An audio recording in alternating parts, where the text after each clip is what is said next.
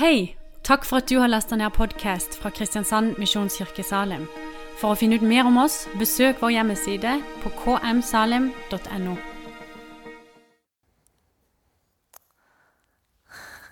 Hei. Jeg Satt helt i min egen verden bak der, så plutselig var det bare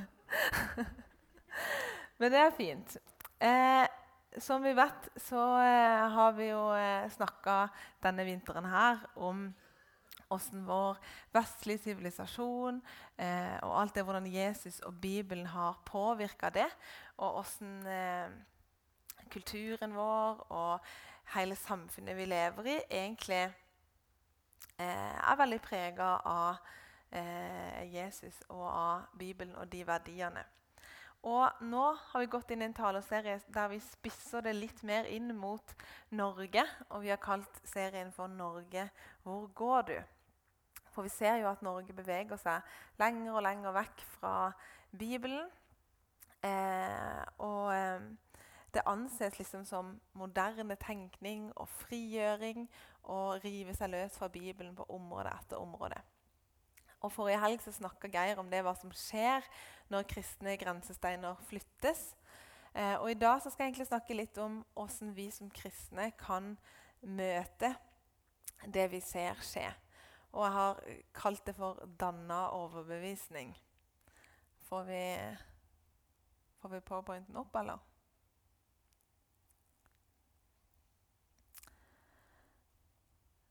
Ja. Toleranse det er jo et veldig sånn sentralt begrep i den tida vi lever i nå. Fordi eh, man skal liksom tolerere alt tolerere alt og alle, alle måter å leve på, alle måter å, å gjøre ting på. Og hvis man mener noe annet enn flertallet, så eh, kan man veldig fort bli stempla som intolerant og kanskje til og med eh, lite empatisk og kanskje til og med litt slam. Eh, og det ser vi i, eh, i, Norge i dag i både debatter om eh, homofili og kjønnsidentitet, og om abort og det ufødte liv, men også om eh, vaksiner og alt det vi har hatt i det siste nå. At det er på en måte ikke lov og ikke sosialt akseptert å mene noe annet enn det flertallet mener. Hvis du ytrer noe upopulært, så kan du risikere å eh, miste jobben din, miste rettigheter og status eller forretningsavtaler. kan få veldig store konsekvenser for deg. Du kan til og med miste relasjoner hvis du mener noe annet enn liksom det store flertallet. Um, og Sånn kan det oppleves litt da, å være kristen, og i hvert fall konservativ kristen, eh, i dag. At det liksom krever litt mot, og kanskje til og med litt risiko og tørre å stå, stå, for det vi tror på i det offentlige rom. Og det er ikke en så lett posisjon å være i, der man både har lyst til å stå for det man tror man mener er rett, og stå liksom rakrygga i det, men samtidig oppleves som eh, tolerant og empatisk. Det er ikke nødvendigvis så lett å kombinere, eller liksom en så lett sånn balanse å stå i. Og det kristne da har en tendens ofte til å gjøre, er enten å bare ja, Vi går under radaren, vi blir helt stille, vi tør ikke mene noe i det offentlige rom. Eller så er det noen som står veldig hardt og eh, litt følelsesløst eh, på Bibelen og, eh, og troa si, og blir gjerne veldig upopulær i det offentlige rom. Som ikke nødvendigvis fører noe godt med seg, det heller. Eh, for det er liksom to grøfter vi kan falle i i møte med dette. Den ene grøfta, da eh, der har du de som ikke har så veldig sterke meninger. De snur seg litt etter vinden eh, og mener det de rundt seg mener. Lar samfunnet og kulturen liksom prege hva, hva de tenker og mener. Og De menneskene er som regel veldig hyggelige og veldig høflige og lette å forholde seg til. For de liksom stryker deg etter hårene og er enig i det du er enig i, og uenig i det man bør være uenig i. Og liksom, De lager ikke noe drama. Veldig, veldig greit.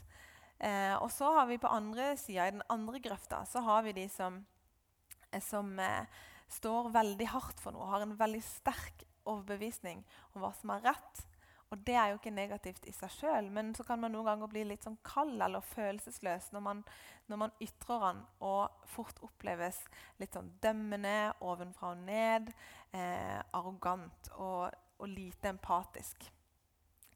Og jeg kan kjenne meg igjen i begge disse grøftene.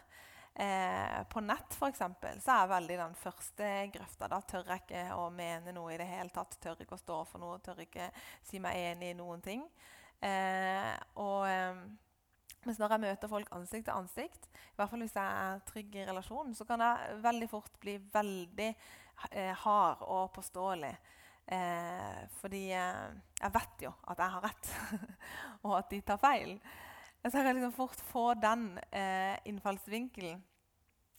I, i, når jeg studerte i Trondheim, så hadde jeg en nær studievenninne som ikke var kristen. Og vi fikk mange gode samtaler om tro, egentlig.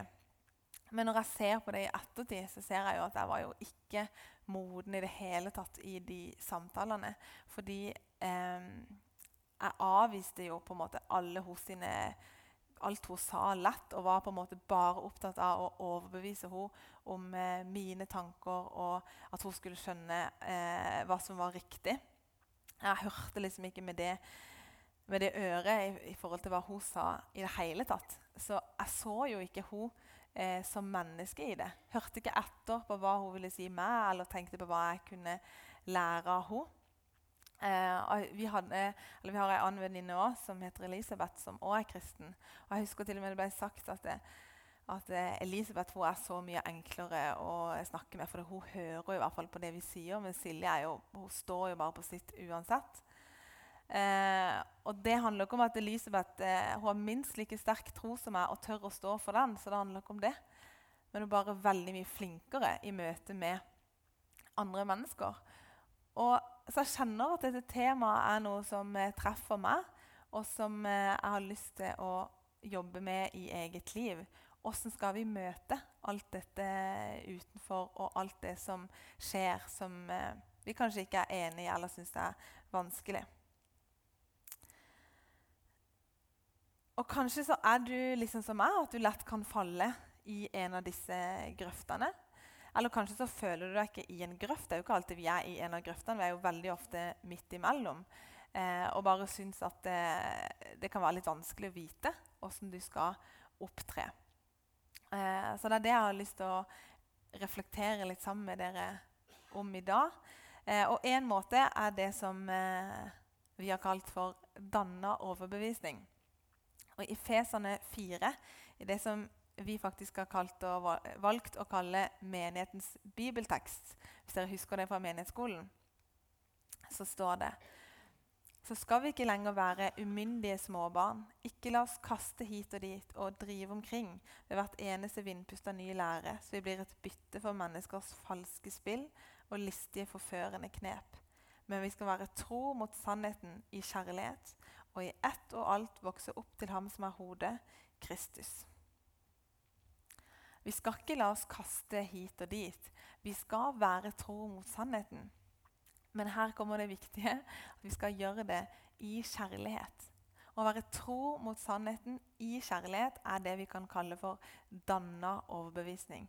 Vi skal være høflige og hyggelige mot hverandre. Toleranse det er ikke å ikke ha en overbevisning.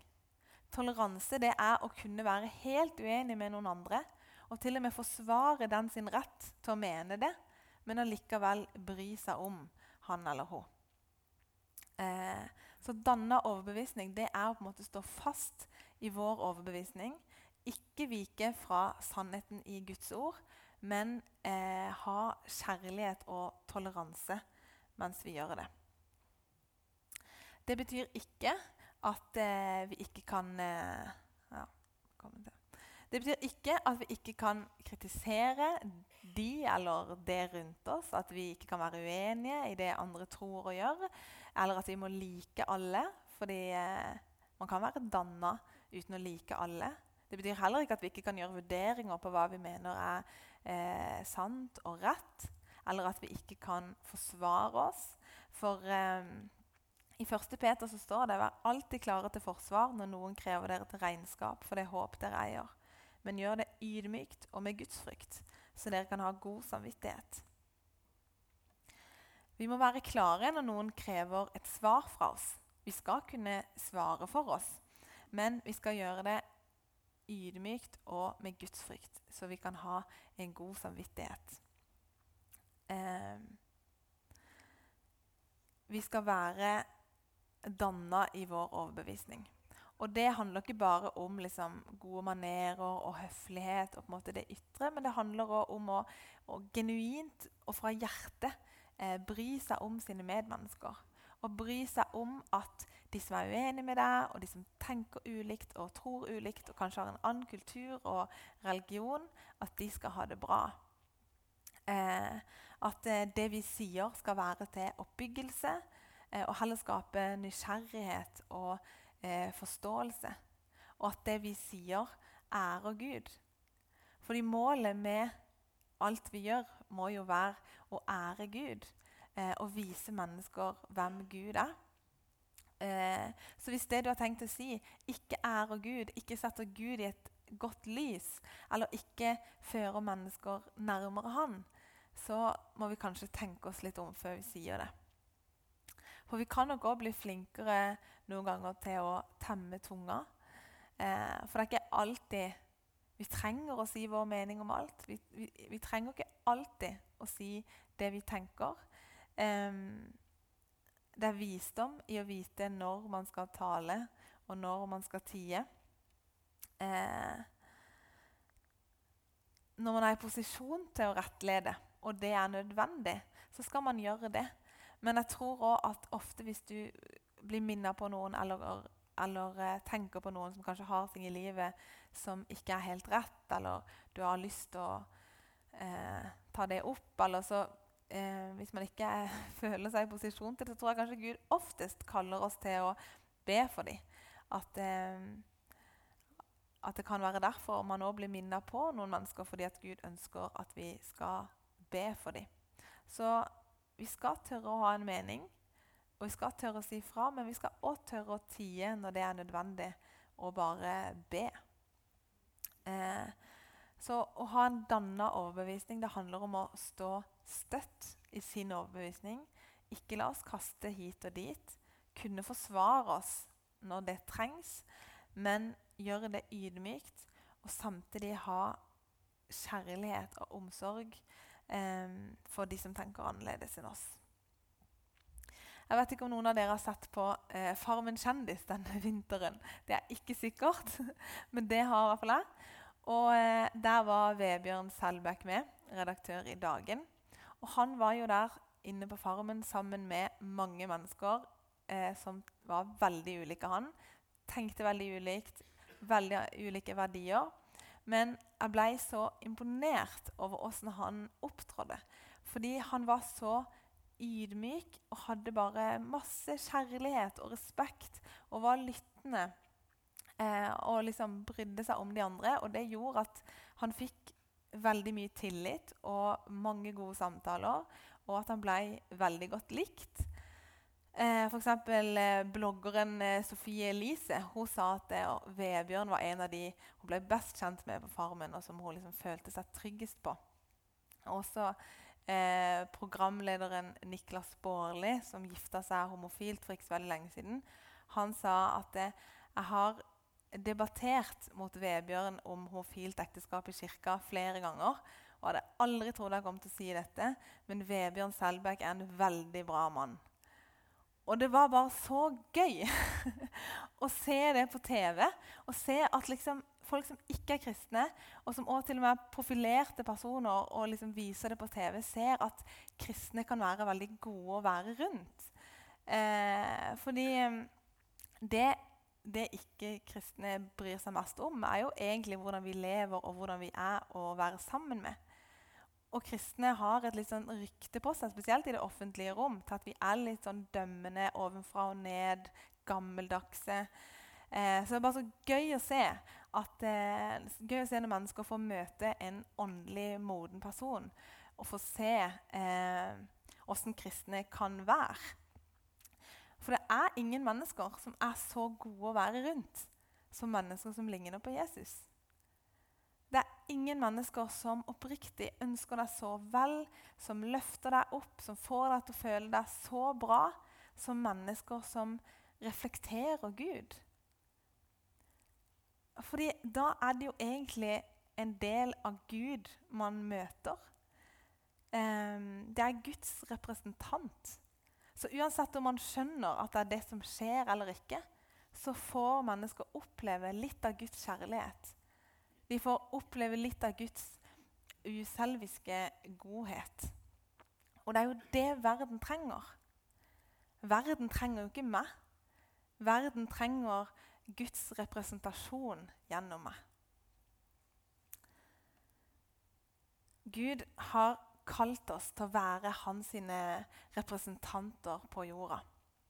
Gud vil vise seg til mennesker gjennom oss. Eh, og Det betyr at vi skal delta i det Gud vil gjøre. Vi skal eh, ta Guds standarder med oss, og vi skal på en måte imitere Guds dannelse og Guds karakter. Vi skal reflektere Guds godhet, og vi skal møte mennesker sånn som Gud ville ha møtt dem. Eh, ha Gud som forbilde, dere som er hans elskede barn, står det i Efeserne 5.1. Og åssen er Guds karakter? I Salme 86 så står noen av Guds egenskaper. Men du, Herre, er en barmhjertig og nådig Gud, sen til vrede, rik på miskunn og sannhet. Gud er omsorgsfull, han er nådig, han er tålmodig og ikke rask til å bli sint. Han er trofast, personlig, lidenskapelig, ydmyk, mild og kjærlig. Og mye mer, selvfølgelig. Men Gud bryr seg om mennesker. Han bryr seg om hvordan mennesker blir behandla, hvordan de blir møtt, hvordan de blir respektert. Åndens frukt sier også noe om hvordan det ser ut å være en refleksjon av Gud. Åndens frukt er kjærlighet, glede, fred, overbærenhet, vennlighet, godhet, trofasthet, ydmykhet og selvbeherskelse. Dette er et speilbilde av Guds egenskaper. Dette er hvordan et menneske som representerer Gud, vil oppføre seg. Og Det kan jo kanskje føles uoppnåelig, og ingen vil jo klare å være alt dette til enhver tid. For vi er jo alle uperfekte mennesker. Men eh, jeg kjenner mange som eh, har mye av åndens frukt, ofte. Jeg kjenner jo folk som ofte møter både meg og andre med disse egenskapene her. Sånn at det er fullt mulig for et menneske å reflektere Guds egenskaper og ha mye av åndens frukt. Men eh, det beste eksempelet på eh, det ser ut, ser vi jo Jesus. Og åssen var det Jesus eh, forholdt seg til mennesker? Som at han møtte mennesker? Eh, Jesus eh, eh, viker jo aldri fra sannheten. Han står jo klinkende klart eh, på sannheten. Men han møter allikevel mennesker med kjærlighet, nåde, mildhet og sympati. Han har eh, medlidenhet med dem. Han setter seg inn i hvordan dette her må oppleves for dem, hvorfor de har tatt valgene de gjør. Og så eh, føler han med dem og viser dem empati. For det er fullt mulig å å prøve å forstå hvorfor noen velger som de gjør. Og kanskje til og med tenke jeg skjønner hvorfor du valgte det. I din situasjon og dine omstendigheter så skjønner jeg det. Eh, selv om man ikke mener at det er det rette å gjøre, eller at man ville gjort det samme sjøl. Men Jesus satte seg inn i menneskers situasjon, åssen det var å være de, og så møtte han de der. Så møtte han dem med kjærlighet og nåde. Men ikke uten sannhet. Han talte alltid sannhet til dem. Eh, men når det ble gjort i kjærlighet, så ble sannheten tatt imot og fikk den frigjørende effekten som han er ment å ha, istedenfor å oppleves dømmende.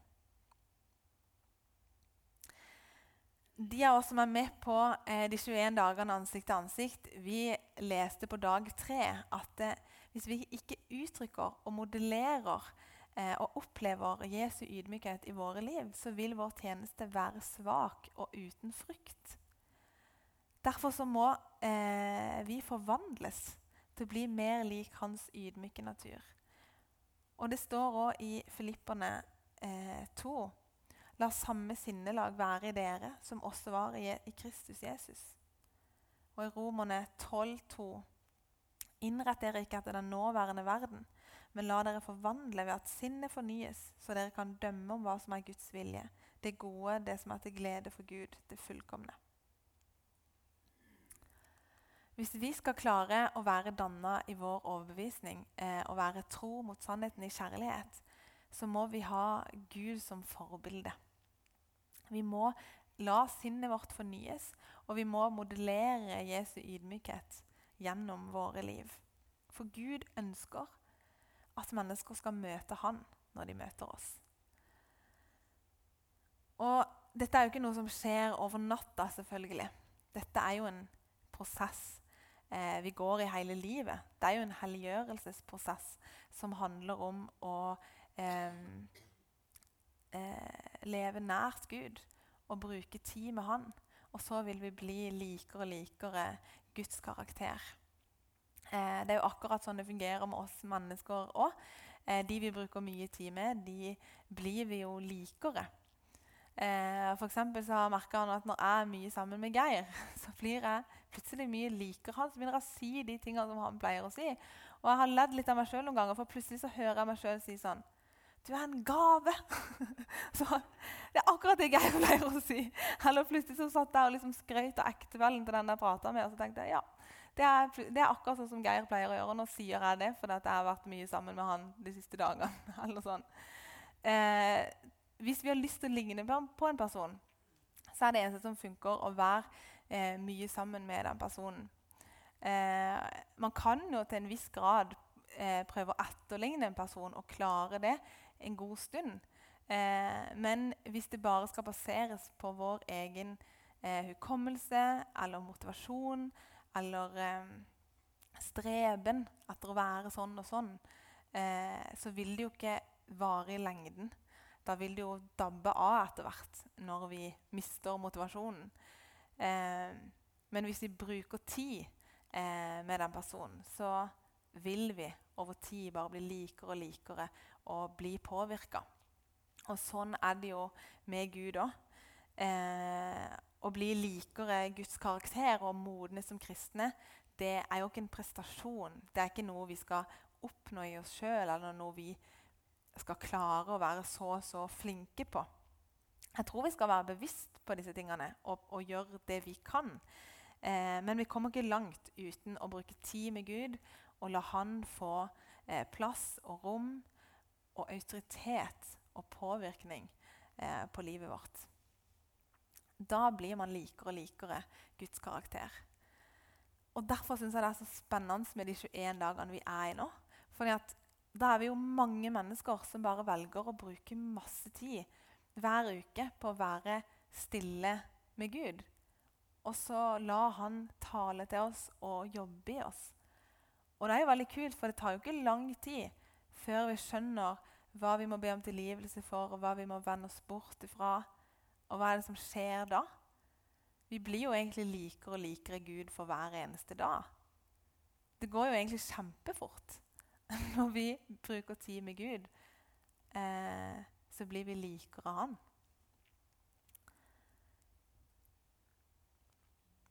Vi skal ha Gud som forbilde. Men Paulus han sier òg ha meg til forbilde, slik jeg har Kristus til forbilde.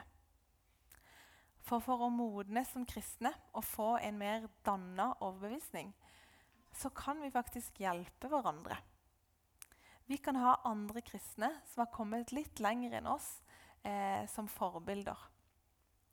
Eh, for når Geir for eksempel, er et speilbilde av Gud og er mye sammen med han, så blir jeg påvirka av det. Så hvis jeg speiler Geir, som speiler Gud, så speiler jo jeg også Gud. Eh, så en konkret måte å bli likere Guds karakter på er å bruke tid med andre som speiler hans karakter. På skolen for eksempel, så er jo det en veldig velkjent strategi at du kan sette to personer eh, bevisst sammen der den ene er litt dårligere enn den andre. Fordi da vil den som er litt dårligere, kunne ha noen å strekke seg etter. Eh, og så vil den som er litt bedre, kanskje også eh, klare å eller lære å veilede den andre. Eller eh, lære noe av den.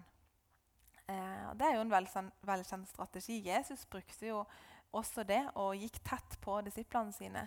Eh, og vi bruker det gjerne i, i mentorroller og medvandrerroller. Eh, men det har også mye å si i alle de relasjonene vi er i til vanlig.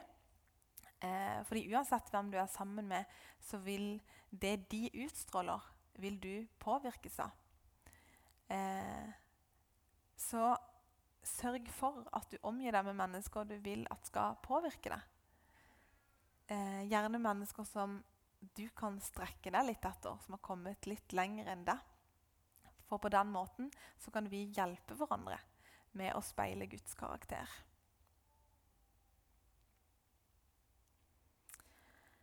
Vi kan lære eh, mye av andre kristne.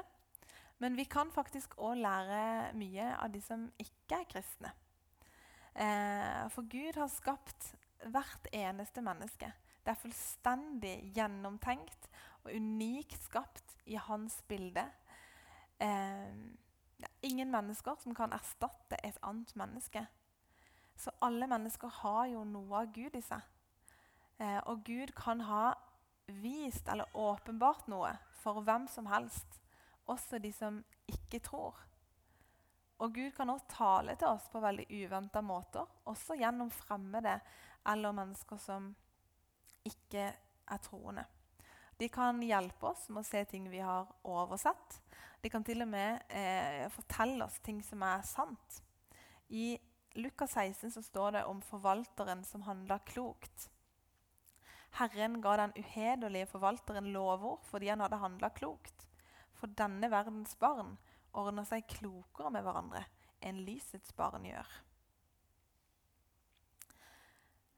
Det er ikke sånn at kristne alltid oppfører seg bedre enn de som ikke er kristne, eller klokere.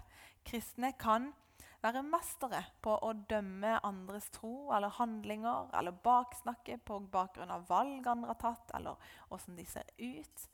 Eh, vi kan ha vel så mye å lære av de som ikke tror, som det de kan av oss. De kan faktisk være klokere enn oss, de òg, så de kan være verdt å høre på. Og Derfor har vi ingen grunn til å dømme noen, eh, men heller å møte dem med eh, respekt og interesse og nysgjerrighet. Hva tror de? Hvorfor tenker de som de gjør? Hva kan jeg lære av de? Hvis vi møter mennesker med oppriktig kjærlighet og ydmykhet, eh, så tror jeg vi vil nå inn til dem på en helt annen måte. Og jeg tror det vil, skape, at det vil kunne skape grobunn for relasjon framfor konfrontasjon. Eh, og... Og nysgjerrighet for troa vår istedenfor motstand. Så selv om vi er uenige med noen, så må vi være åpne for at de kan hjelpe oss med å se sannhet klarere. Problemer er veldig ofte komplekse, eh, så vi bør være åpne for hva meningsmotstanderne våre vil fortelle oss. Ikke være så raske med å avvise andres syn på ting. Ikke sette grenser for åssen Gud kan tale til oss, men være åpne for overraskelser. Og så vet jeg veldig godt at dette her ikke er noe lett. Um, dette har aldri vært lett, og grensene våre testes jo hele tida. Så dette er ikke noe vi blir ferdig med heller. Det har jo vært ulike ting opp gjennom hele historien som har utfordra de kristne. Og hver gang vi begynner å føle at nå vet vi hvordan vi skal håndtere dette, så kommer det noe nytt. Og når vi føler vi har pusha til ytterkanten, der liksom, nå er ikke dannelse mulig lenger, så blir vi pusha enda lengre. Dette har aldri vært noe lett for Kirka. Eh, men vi er fortsatt kalt til å vise dannelse i det. Og Kirka er jo faktisk det stedet der vi bør lære dannelse, fordi vårt fellesskap bør jo være et eksempel på sånn vi ønsker at det skal være utenfor òg. Eh, vi er jo kalt til å være verdens lys. Men heldigvis så er det nåde i alt dette òg. Vi skal være tro mot sannheten i kjærlighet, men vi skal gjøre det i nåde. For det er ingen som får til alt. Det er ingen som alltid sier ting riktig eller alltid reagerer på riktig måte. Noen ganger så eh, reagerer vi jo spontant uten å tenke oss om. Eh, og noen ganger så blir vi sinte og provoserte. Eh, vi kommer aldri til å gjøre alt perfekt.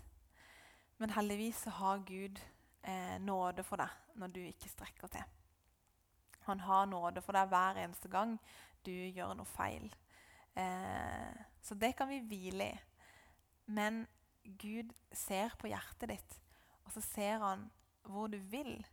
Hva ønsker du? Eh, hva strekker du deg etter? Hvilken retning ønsker du å gå?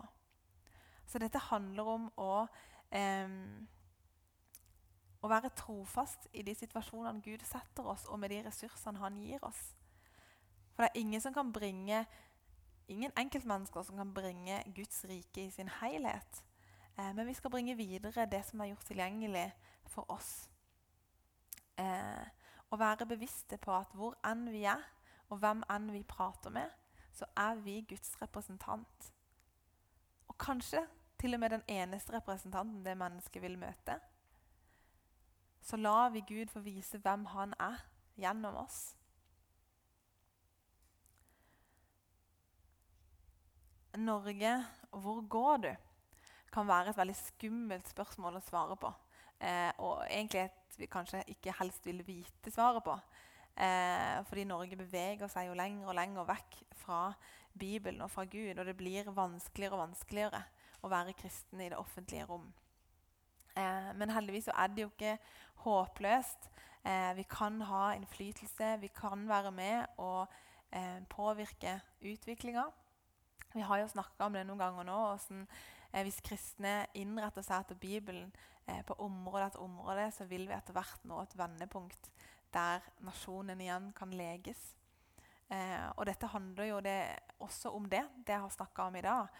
Å rette seg etter Bibelen med oppførselen vår, eh, og med åssen vi snakker til og opptrer overfor folk som tenker annerledes, og som er uenige med oss, overfor strømmene som vi ser i samfunnet. Um, for vi er Guds representanter. Og Gud ønsker å tilby alle mennesker en sånn fundamental kjærlighet og respekt. Så når vi anerkjenner eh, den fremmede, så ærer vi Gud. Og når vi opptrer danna i vår overbevisning, så er vi mer sånn som Gud har ment at vi skal være. Og hvis vi gjør det, hvis vi speiler Gud til menneskene vi møter, så tror jeg det vil gjøre noe med folk. Fordi jeg tror det gjør noe med et menneske på dypet når man opplever seg sett og respektert og anerkjent. Eh, I hvert fall hvis det er for en person som er veldig annerledes enn det, eller mener noe helt annet enn det. Eh, så jeg tror eh, det vil føre til eh, oppbyggelse eh, og relasjoner og nysgjerrighet for troa vår. Eh, og så tror jeg det vil føre til mye som vi ikke aner hva er. Jeg tror det kan få eh, mye større ringvirkninger enn vi vet. Eh, og Det er det som er så spennende når man jobber sammen med Gud. For vi skal liksom bare gjøre vårt. Eh, og hva det er, kan vi oppsummere det som står i starten på menighetens bibeltekst. Så formaner jeg dere, jeg som er fange for Herrens skyld, at dere lever et liv som er verdig det kallet dere har fått, i mildhet, ydmykhet og storsinn, så dere bærer over med hverandre i kjærlighet. Vi skal bare gjøre det Gud kaller oss til, å være hans representanter på jorda. Og så blir det opp til Gud å gjøre resten skal vi be sammen. Kjære Gud. Jeg takker deg for eh, din nåde og kjærlighet til oss. Eh, takk for at du er så god, Jesus, og for måten du møter oss på. Så ber jeg om at du bare skal hjelpe oss, Jesus, til å speile deg ut i denne verden. Hjelp hver enkelt av oss å speile deg til de vi møter. Fyll oss med en sånn medfølelse og kjærlighet overfor verden og for alle menneskene i han Jesus. Sånn at vi kan møte dem med respekt og forståelse eh, der de er Jesus. Og så bare ber jeg Jesus om at dette skal få, eh, at det skal få ringevirkninger. At åssen vi opptrer både med hverandre eh, og ute i verden, at det skal få ringvirkninger. At det skal gjøre noe med mennesker. Jesus. Bare ber om at du skal velsigne hver enkelt eh, som er her inne. At du skal hjelpe hver enkelt til å ta dette konkret eh, ned i sitt liv og inn i sine relasjoner. Amen.